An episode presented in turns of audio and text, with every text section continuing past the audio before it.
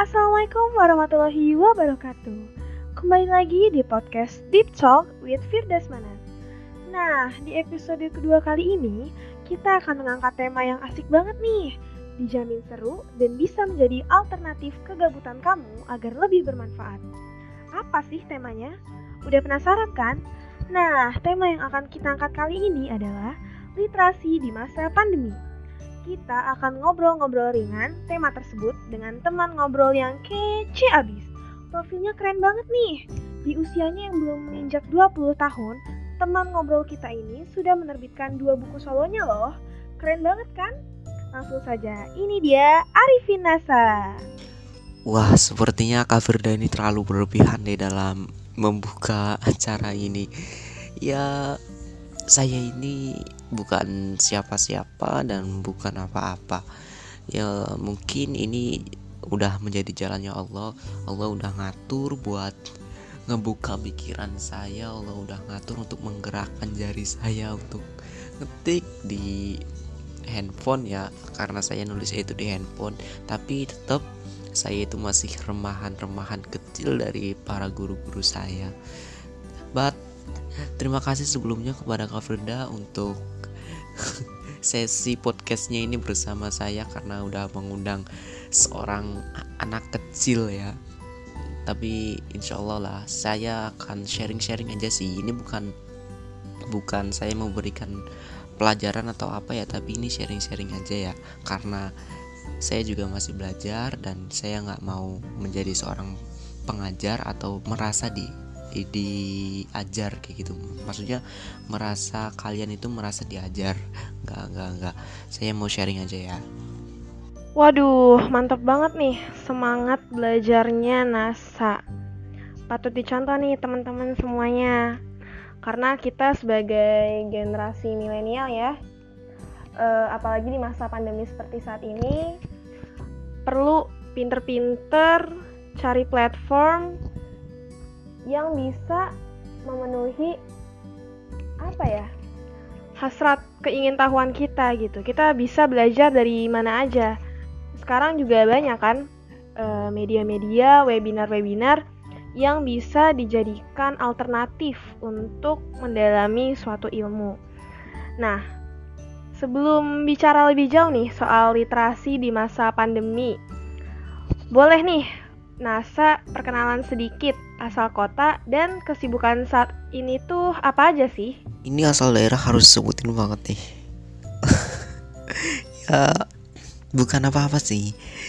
Cuma nanti kalau misalkan saya sebutin nanti pendengar setianya Kafir dan termasuk Kafirda juga nih ya harus banget nih ya datang ke daerah saya ya main-main aja sih. Jadi perlu disebutin. Oke deh. Jadi saya ini asalnya itu dari sebuah kabupaten dan kota, tapi saya tinggalnya di kabupaten. Um, dengan ciri khas kota dan kabupatennya itu nasi lengko, terus nasi jamblang, terus penghasil rotan, terus batiknya, terus apalagi ya empal gentong dan masih banyak lagi kira-kira ada yang tahu nggak? Ya boleh searching di Google cuman kalau misalkan searching kelamaan ya jadi langsung aja saya kasih tahu. Jadi asal daerah saya dari Cirebon Jawa Barat. Untuk kesibukan ya sibuk gak sibuk sih cuman sibuk nggak ngapa-ngapain aja. Ya gimana ya di era pandemik ini bener apa yang dikatakan oleh Kafirda kita itu harus uh, upgrade diri kita itu dengan mencari platform pembelajaran online yang memang itu bisa membuat di masa pandemik ini menjadi ajang untuk mengupgrade skill kita, ajang untuk membuat pemikiran-pemikiran uh, itu lebih lebih lebih gimana ya, lebih luas lagi lah. Jadi kalau misalkan di rumah aja kan kita udah berapa bulan ya tapi diem aja rebahan aja. Ya itu percuma dong kita diem aja di rumah kita nggak ngasilin apa-apa kita hanya mengeluarkan tenaga untuk tidur untuk makan tapi itu hanya sebatas ya itu kebutuhan hidup tapi bukan untuk membutuhi kehidupan kita selanjutnya. Jadi kesibukan saya saat ini ya tentu sibuk nggak ngapa-ngapain tapi diselingi juga dengan membaca buku dan kegiatan-kegiatan lainnya. Waduh, asik sih sebenarnya main ke Cirebon. Kebetulan aku juga suka traveling sebenarnya. Cuma karena lagi pandemi dan emang dasarnya nggak punya uang, jadi ya ketunda deh hal-hal yang kayak gini. BTW, aku setuju banget nih sama pendapatnya NASA soal membaca buku. Walaupun kita di rumah aja dan gak ngapa-ngapain, membaca buku bisa jadi alternatif nih buat kita jadi sarana nambah-nambah ilmu pengetahuan gitu kan. Udah gak ada lagi tuh alasan sibuk atau gak punya waktu buat baca buku. Ngomong-ngomong soal buku, menurut NASA sendiri nih, gimana sih perkembangan dunia literasi, perbukuan, kepenulisan, ya sejenis itulah di masa pandemi kayak sekarang ini nih. Ini Kak Firda meskipun dari PBA, tapi kalau misalkan melontarkan pertanyaan tuh sulit juga ya untuk dijawab. Enggak, bukan bukan berarti nggak ada jawabannya. Jawaban tuh ada sebetulnya, tapi bagi saya sulit aja gitu untuk mengungkapkannya tuh. Oke okay lah. Karena ini adalah pertanyaan dan pertanyaan harus dijawab. Saya mau sedikit aja sharing mengenai pertanyaan dari Kak Firda tadi. Jadi di masa pandemi seperti ini tuh sebetulnya perkembangan literasi itu justru berkembang dengan pesat loh. Bukan hanya di perbukuan saja sih. Contohnya gini banyak kan acara webinar saat ini. Nah secara tidak langsung nih dari kita mengikuti uh, rangkaian acara pada webinar tersebut kita juga tengah berliterasi. Jangan jauh-jauh deh. Ngisi podcast bareng Kak Firda aja tuh berliterasi. Jangankan ngisi podcast kita mendengarkan podcastnya aja itu kita udah berliterasi loh. Ya kalau untuk masalah buku di sosial media saya sendiri itu banyak banget orang yang berbondong-bondong menciptakan buku baik itu cetak maupun dalam bentuk e-book. Tapi kebanyakan e-book sih kalau saya sendiri dengan dalih ingin meningkatkan minat membaca di masa pandemi secara gratis. Intinya mah intinya mah gini deh e, literasi di kondisi apa pun pokoknya harus tetap berkembang jangan sampai menurun.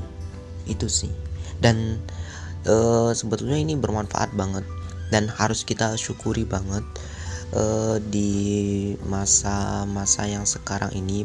Kita bukan berarti e, menyalahkan takdir atau lain sebagainya tapi kita justru harus memanfaatkan dengan sebaik-baiknya di masa-masa seperti ini dengan waktu yang cukup lumayan panjang sekitar 5 sampai 6 bulan yang kita berada di rumah aja. Sepatutnya kita maksimalkan nih waktu di rumah aja ini untuk terus menggiatkan kegiatan literasi. Terutama jangan yang jauh-jauh deh ikut webinar terus baca buku terus rajin-rajin nulis. Itu insya Allah sih bisa mengupgrade skill kita juga bisa menambah wawasan kita juga itu pokoknya literasi harus tetap berkembang. Wah setuju banget nih sama pendapatnya NASA. Karena ya sebenarnya kegiatan berliterasi itu ya nggak jauh-jauh dari kehidupan kita sehari-hari. Sederhana gitu kan istilahnya. Mulai dari ikut webinar yang wah udah berlimpah ruah di luar sana.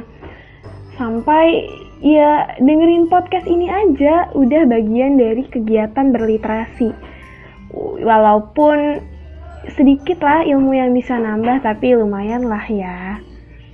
Nah ngomong-ngomong soal macam-macam kegiatan berliterasi kalau menurut NASA sendiri nih kira-kira perbedaan apa sih yang berasa banget dalam berliterasi sebelum dan sesudah pandemi Coba dong cerita sedikit.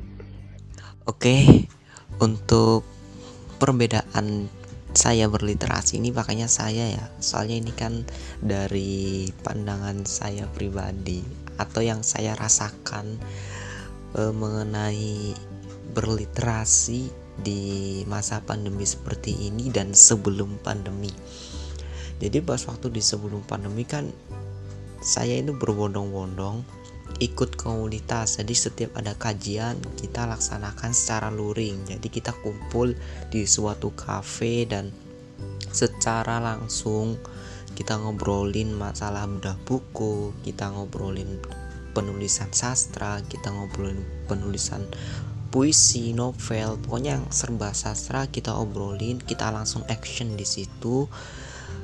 Pokoknya ketika di sebelum pandemi ini semua kegiatan literasi terjun di lapangan dan itu memang mendapatkan dampak yang besar juga buat saya pribadi karena ketika terjun di lapangan saya bisa bertemu secara tatap muka dengan teman-teman saya bisa melihat wajah-wajah bahagia dan wajah-wajah muram karena ditinggal pacar teman-teman.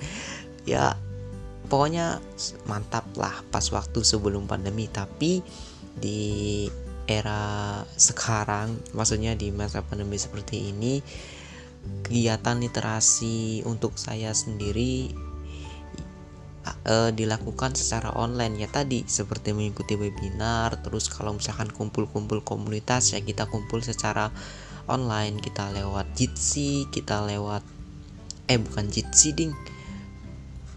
Meet kalau nggak salah Google Meet. Nah, iya biasanya pakai Google Meet atau enggak pakai Zoom. Tapi kalau misalkan cuman berempat atau cuman berenam biasanya pakai WA tapi kalau misalkan nggak nggak mau munculin wajahnya biasanya cuma ngobrol-ngobrol aja sih di grup kumpulannya.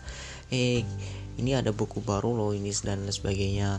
Nah nanti ketika udah diberitahukan nih ini ada buku baru nih dari Firda nih misalnya. Dari Kak Firda nih bukunya tentang Abu Mimpi judulnya Abu Mimpi kita beli nih bukunya atau kita bedah aja yuk. Ya udah siapa yang beli bukunya? Nah nanti di situ kita bedah bukunya Kak Firda. Oh mantap.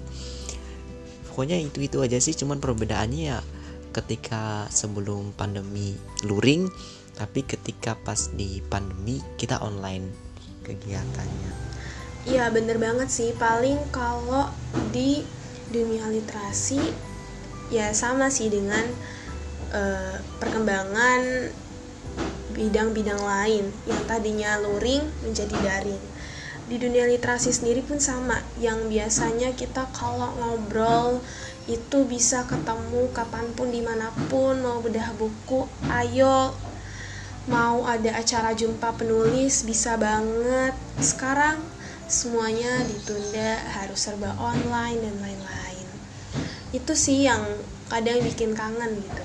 Kalau dari aku sendiri pun sama apalagi sebagai penulis ya berasa banget sih yang namanya susah buat nyari ide. Nggak susah sih sebenarnya gampang.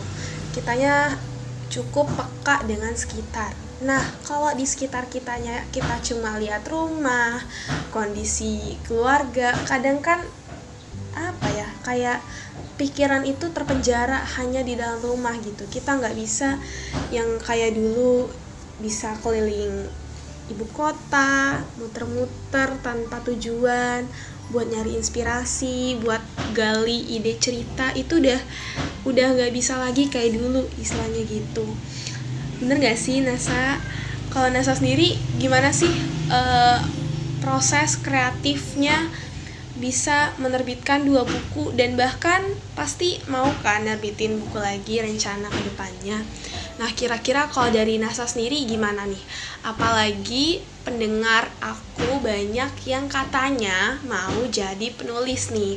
Aku sendiri pun masih kebingungan sih sebenarnya gimana sih caranya biar tetap uh, apa ya istilahnya bisa menggali ide lebih dalam tanpa harus banyak keluar rumah. Kalau dari NASA sendiri gimana nih? Dan ceritain dong sedikit proses kreatif dari terbitnya buku-buku NASA yang pertama dan yang kedua. Sama boleh ya dong spoiler-spoiler dikit nih soal buku ketiganya. Siapa tahu ya kan pendengar aku ada yang mau beli juga gitu. Coba dong cerita. Baiklah, saya bakal ceritain ya sedikit mengenai proses kreatif. Is mantap ini kafir bahasanya proses kreatif. Sebetulnya ini cerita biasa aja sih. Soalnya saya juga kan masih masih penulis pemula banget. Terus juga saya masih remahan-remahan kecil dari para guru-guru saya. Jadi saya nggak mau merasa saya itu mengajari kalian tapi ini sharing aja ya. Jadi uh, sebetulnya saya itu dalam hal menulis itu awalnya awalnya itu saya tuh nggak kepikiran banget yang namanya nulis buku tuh. Nah cuman uh, pas waktu waktu kapan ya? Waktu kelas 10 waktu kelas 10 itu saya iseng nih. Iseng ini iseng loh.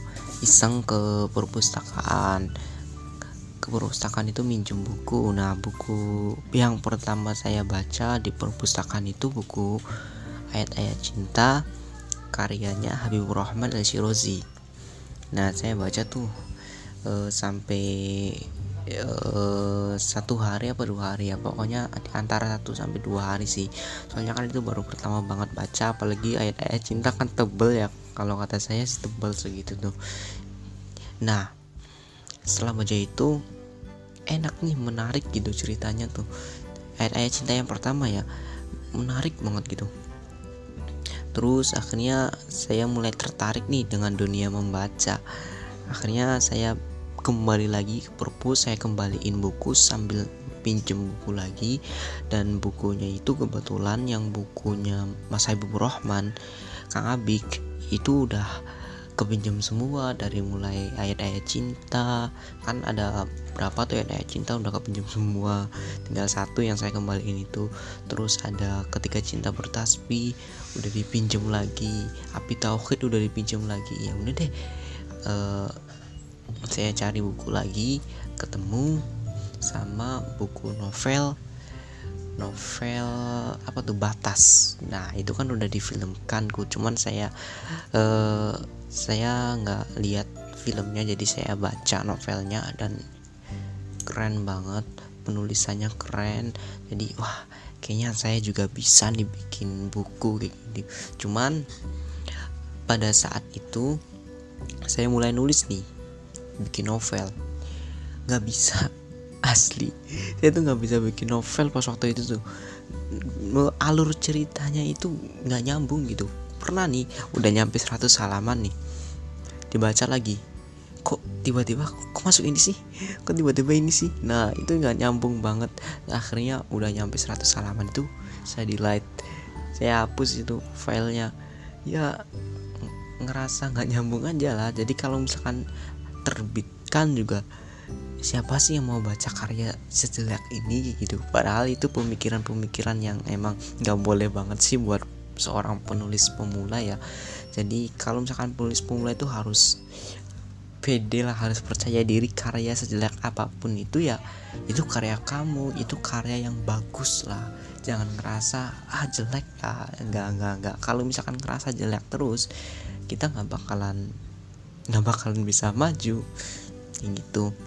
Untuk proses kreatifnya sendiri proses menulis hingga sampai dua buku solo ini hmm, karena memang kurang kerjaan aja sih. Iya soalnya kalau misalkan malam tuh kan nggak ada kerjaan ya kalau misalkan malam tuh. Soalnya kan dari pagi sampai sore itu kan lumayan lah ada kerjaan lah ya. Jadi kalau misalkan malam itu ya sambil baca-baca buku sambil ya cari inspirasi lah dengan mengopi. Is mantap. Gading saya tuh nggak pernah ngopi asli. Ngopi juga itu kalau misalkan ada kopi kalau misalkan nggak ada kopi ya minum air putih karena air putih itu sehat oke? Okay? jadi air putih air putih buku saya cari inspirasi lewat baca buku sambil minum air putih. Tapi anehnya tuh kata orang sih ya kopi itu memberikan inspirasi ide-ide dan lain sebagainya lah banyak lah quotes-quotes tentang kopi. Tapi anehnya kalau saya ngopi tambah ngantuk. Tapi kalau misalkan minum air putih itu tahan loh. Sampai jam 3 tuh tahan asli. Bahkan nih sampai jam 5 aja itu tahan. Entahlah gue itu aneh asli. Nah kan karena insomnia kali ya nggak bisa tidur tapi kadang juga sih itu kadang. Kadang juga kalau misalkan tidur itu jam jam 9 udah tidur kadang jam 8 kadang juga jam 3 kadang juga jam 2 pokoknya macam-macam deh kalau gue tidur tuh tergantung pekerjaan di malam hari itu. Nah lanjut nih ke proses kreatif. Nah proses kreatifnya itu yaitu di malam hari gue cari inspirasi inspirasinya ke baca buku. Kalau nggak baca buku sambil lihat-lihat video di YouTube atau lihat film. Nah kebetulan dua buku itu semuanya puisi. Nah kalau misalkan puisi itu saya carinya itu dari pengalaman pribadi saya. Seperti yang di buku pertama bukan surat cinta itu kebanyakan dari pengalaman-pengalaman pribadi saya. Jadi ketika di Jogja ketika di Bandung di Jakarta ataupun di mana aja yang memiliki kejadian-kejadian yang unik terus memiliki kejadian yang inspiratif yang romantis pokoknya semuanya itu saya jadikan puisi. Nah terus untuk yang buku kedua itu uh, di malam hari juga itu dapat inspirasinya. Malam hari karena memang uh, buku pertama itu kan tujuan tujuannya itu untuk saya itu ingin dikenal kayak gitu. Ya emang sih ini hal lumrah sih bagi penulis pemula. Kalau misalkan mau menciptakan buku itu kita ngebangun buat ngebangun personal branding dulu. Nah itu tujuan tujuan utama saya pas waktu nulis buku yang pertama. Cuman di buku yang kedua ini tujuan saya itu untuk uh, beasiswa. Soalnya kan di kampus itu ada beasiswa prestasi. Nah kebetulan kalau misalkan yang di di bahasa Indonesia itu prestasinya itu menciptakan buku. Jadi alhamdulillah kan jadi saya udah ada satu buku solo dan beberapa buku antologi lainnya. Jadi kalau misalkan cuma satu aja kayaknya belum cukup deh. Ya cukup sih cukup cuman kayaknya masih banyak saingan pesaing-pesaing lainnya yang rival dengan saya yang lebih baik kayak gitu dari saya. Jadi akhirnya saya ciptain buku lagi yang dengan judul Antawacana Berirama puisi juga. Nah eh, Antawacana Berirama itu dapat inspirasinya malam. E, konsepnya itu tentang anak-anak. Bukan anak-anak sih emang saya itu e, metaforanya metafora kelinci tapi itu yang pertama bagian bagian eh, ada tiga bagian ya. Bagian pertama itu anak-anak terus bagian kedua hmm, udah masuk ke fase dewasa. Nggak langsung remaja tapi saya langsung ke masuk ke fase dewasa dengan menceritakan permainan-permainan zaman dahulu. Terus bagian ketiga itu uh, klimaksnya jadi uh, ya klimaks aja gimana ya penutupan yang ngebuat ngerangkum semua dari bagian satu sampai bagian dua. Itu sih. Terus untuk proses kreatif selanjutnya itu karena saya juga eh, gabung di komunitas-komunitas menulis lainnya sama komunitas sastra. Jadi saya dapat inspirasi dari teman-teman. Eh, teman-teman itu bilang kalau misalkan mau menerbitkan buku ya kamu harus bisa menerbitkan buku. Gitu. Maksudnya gimana gitu? Maksudnya pas waktu awal-awal kalau misalkan mau menerbitkan buku kamu harus menerbitkan buku. Ya emang ya kalau misalkan mau menerbitkan buku ya harus menerbitkan buku. Kalau misalkan kamu makan ya harus makan. Kayak gitu kan. Jadi ya maksudnya gini kalau kata saya sih itu kurang satu kata kayaknya. Kalau misalkan kamu menerbitkan buku kamu harus berani menerbitkan buku kayak gitu maksudnya sih. Pokoknya se semua dalam hal apa pun itu harus berani.